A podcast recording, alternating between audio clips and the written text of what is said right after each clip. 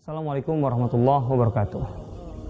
Rasulullah SAW tidak pernah marah kalau pribadi beliau yang disentuh.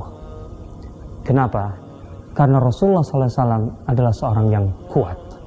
Rasulullah dibela Allah, dibela Rasul, dibela malaikat, dibela orang-orang beriman.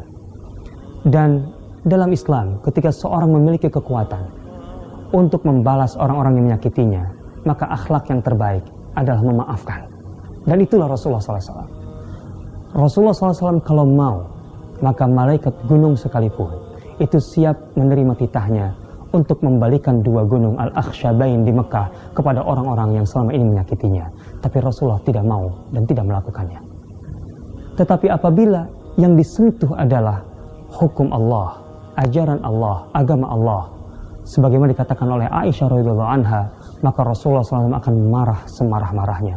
La sehingga tidak ada yang akan sanggup untuk menghentikan marahnya Rasulullah SAW. Jadi Rasulullah SAW memiliki rasa marah dan beliau menyalurkan amarahnya itu dengan benar, yaitu ketika yang disentuh, yang dinudai adalah hukum Allah, adalah agama Allah, maka beliau akan marah.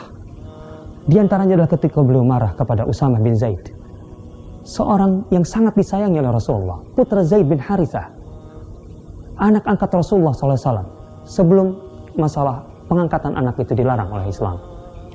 Usama bin Zaid dalam satu peperangan membunuh orang.